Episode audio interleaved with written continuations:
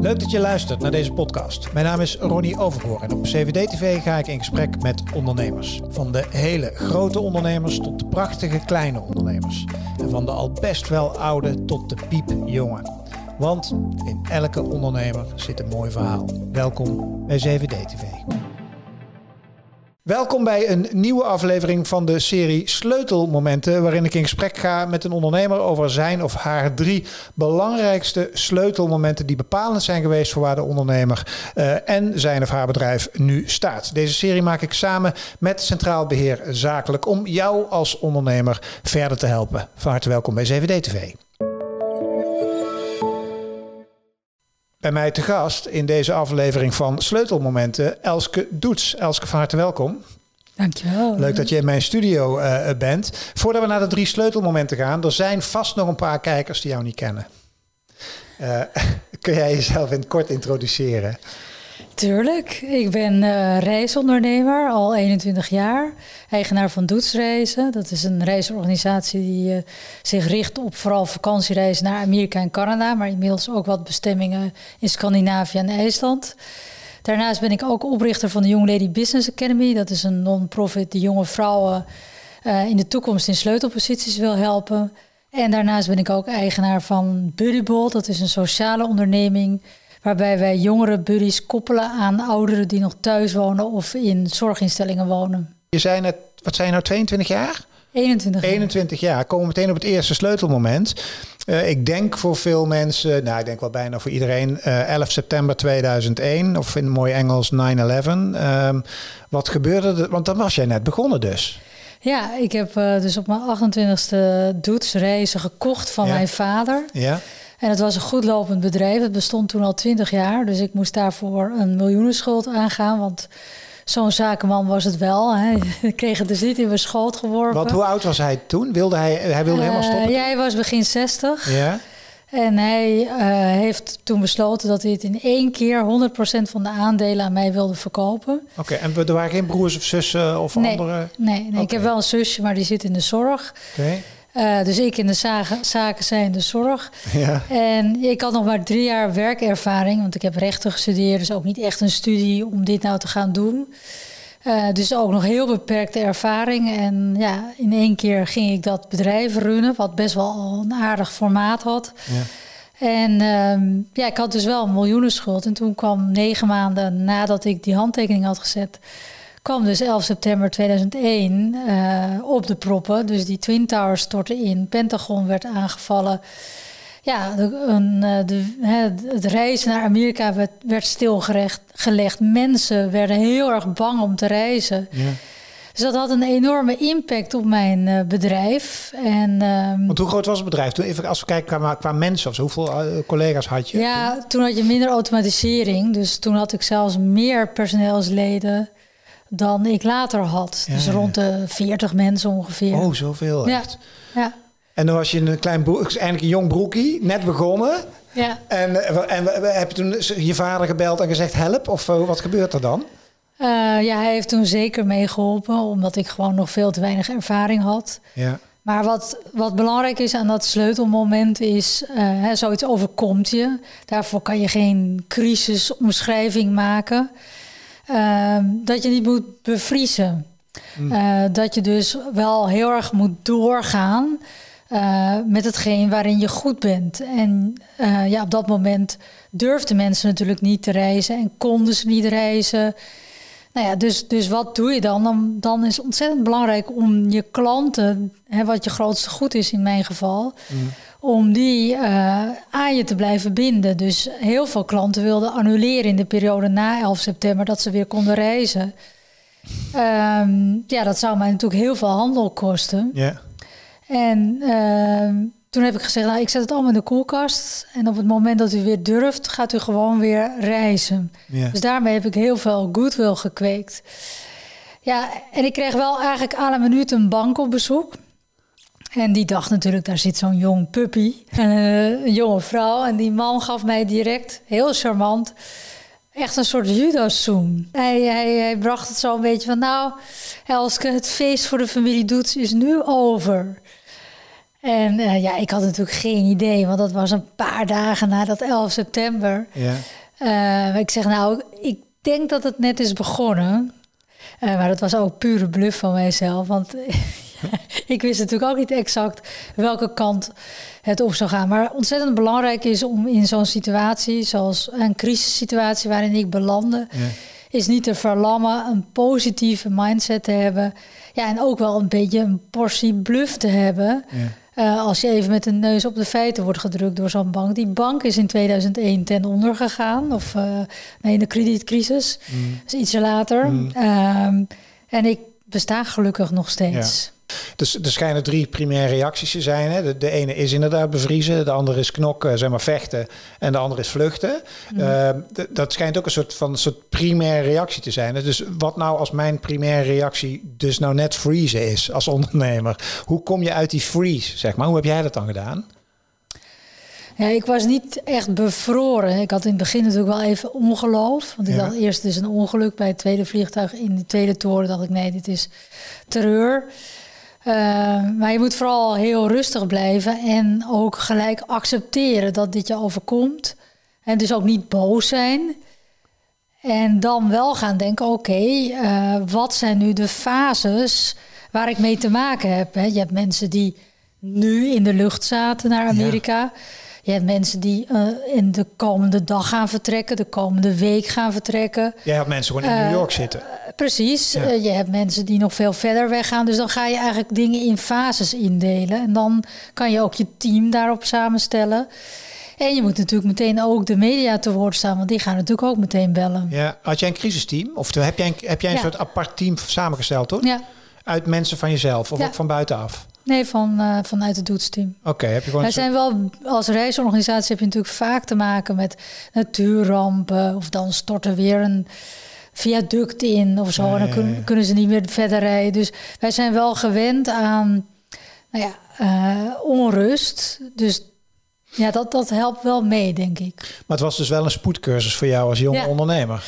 En ik ben heel blij dat dat in dat eerste jaar is gebeurd. Hm.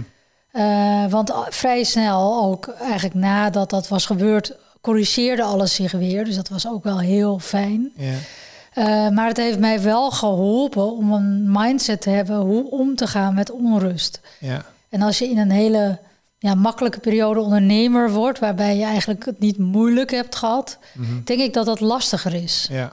Uh, jouw tweede sleutelmoment, dat was een, een positief sleutelmoment, zullen we maar even zeggen. Uh, in zoverre. Uh, en dan gaan we straks weer de ellende in. Maar Precies. sleutelmomenten zijn gewoon vaak, ja, vaak. Van, van ellende en crisissen kun je een hele hoop leren. Never waste a good crisis. Maar in 2017, het voorjaar van 2017, werd jij zakenvrouw van het jaar.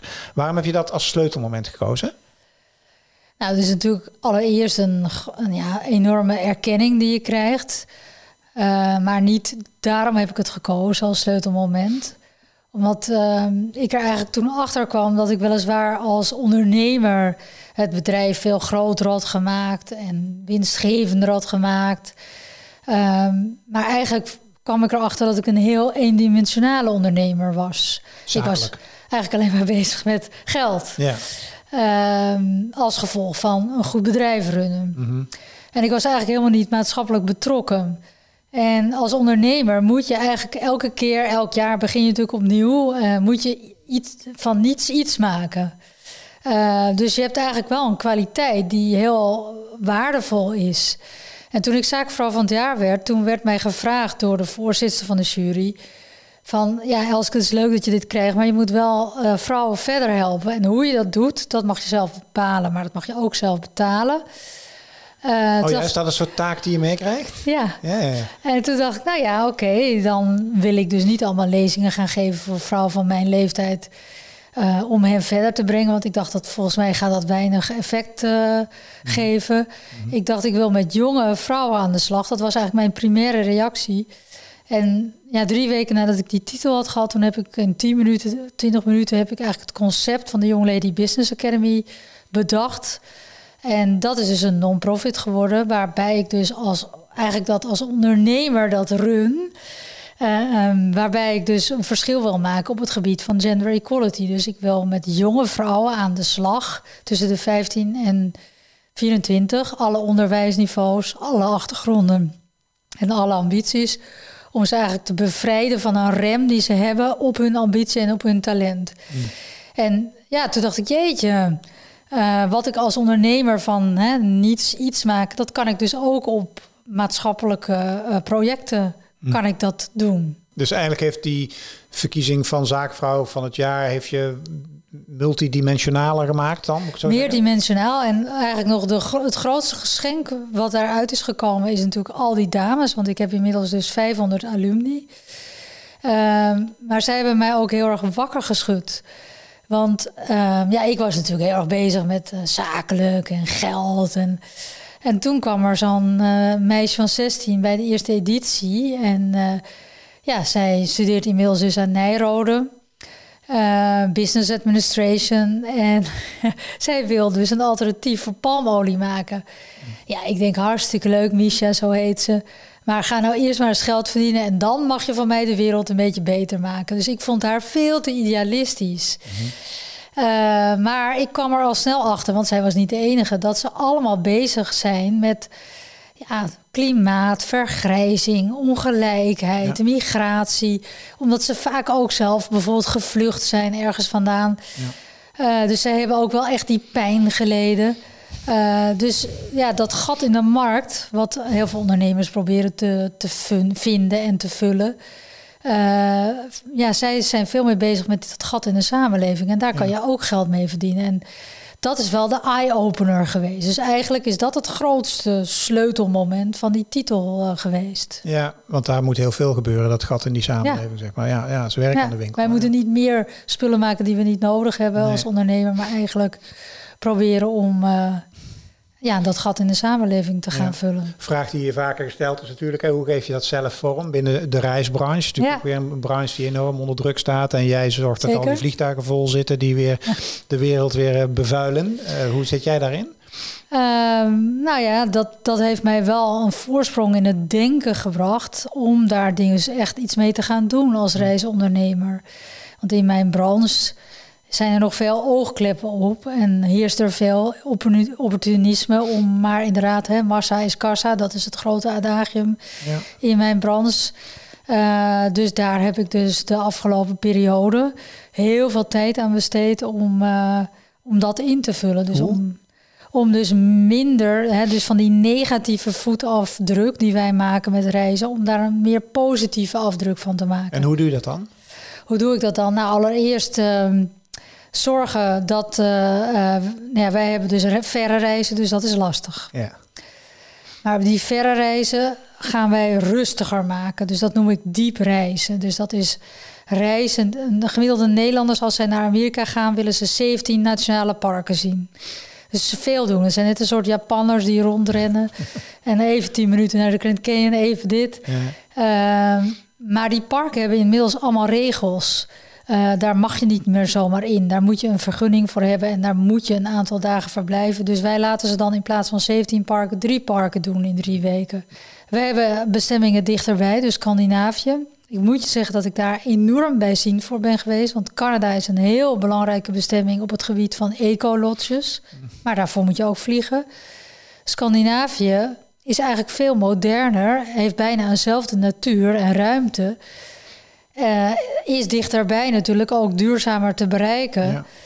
Dus ja, uh, dat heb ik dus echt ontdekt. Als IJsland idem dito moet je nog steeds wel heen vliegen, maar dat is maar twee uur vliegen. Mm Ik ben er zelf in januari geweest. Kletsers vond ik indrukwekkender op IJsland dan in Alaska. Mm. Uh, daarnaast gaan wij bij alle reizen binnenkort dus laten zien dat op dienstniveau wat de impact is van die dienst omdat mensen eigenlijk meer gevoel hebben bij calorieën die zich verbruiken. Zoals een broodje eten zijn dat zoveel calorieën. Maar als je gaat reizen heb je geen idee wat je milieu-impact is. En dan gaan wij dus ook laten zien van... hé, hey, als jij deze reis naar Alaska doet... dan is dat bijvoorbeeld 20 CO2, 20.000 CO2 ton. Ga je bijvoorbeeld naar IJsland toe, dan is dat maar 5.000. Dus om mensen ook bewustwording uh, te creëren. Maar de grote toekomst is dat we dus echt minder moeten gaan reizen. En dat reizen ook duurder wordt. En ik ben een van de weinige mensen in mijn branche die, dat, durft ja, uit te spreken. Ja, eh, oké. Maar goed, als je zegt minder vliegen, maar wel duurder, dan kan dat business-wise nog aardig uitkomen voor je.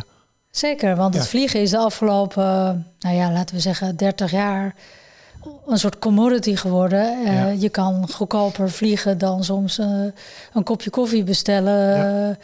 Eh, eh, trein is per definitie duurder dan vliegen, dus daar moet echt wat gebeuren. Derde sleutelmoment. Maart 2020 en er kwam een, een virus langs zij. En toen? In maart 2020 is mijn bedrijf echt helemaal stilgelegd. En dat heeft Van eigenlijk 100% omzet naar nul eigenlijk. Ja, 30 miljoen eh, omzet naar nul. Ja. En dat is, dat is heel heftig. Ook omdat je natuurlijk met een heel team zit, eh, wat natuurlijk een commercieel team is vooral. Ja. Dus die zijn gewend om te scoren, hè, een soort basketballers. Ja. Zoveel mogelijk ballen in dat netje drukken. Ja. Eh, ja, je klanten die worden hiermee geconfronteerd, zijn hier natuurlijk nog nooit mee geconfronteerd dat ze niet konden reizen, dat grenzen dicht waren. En dat heeft ja, zeg maar bijna twee jaar geduurd. Ja, Hoe heb je dat gedaan dan? Want een normaal bedrijf gaat dan toch gewoon eh, failliet. ja. Nou, ik heb direct eh, toen dat gebeurde, eh, had ik natuurlijk ook weer heel veel media aan de telefoon de hele dag. Dus daar was ik de hele tijd mee bezig. Maar ik heb gelijk weer inderdaad teams ingedeeld van de mensen die in Amerika waren, mensen die gingen vertrekken. Nou ja, zo De lessen die je uit de eerste sleutelmoment Ex- had geleerd. Exact. Ja. En ik ben gelijk, eh, ik heb altijd een heel goed inzicht in cijfers. Dat vind ik ontzettend belangrijk. Ik moet dus eigenlijk nu wakker gemaakt kunnen worden en dan zeggen hoe het ervoor staat. Dus wat is mijn omzet, wat zijn mijn kosten, wat is mijn winst. Eh, dus ik ben gelijk met potlood gaan opschrijven van wat betekent dat als dit bijvoorbeeld eh, een maand duurt, twee maanden duurt.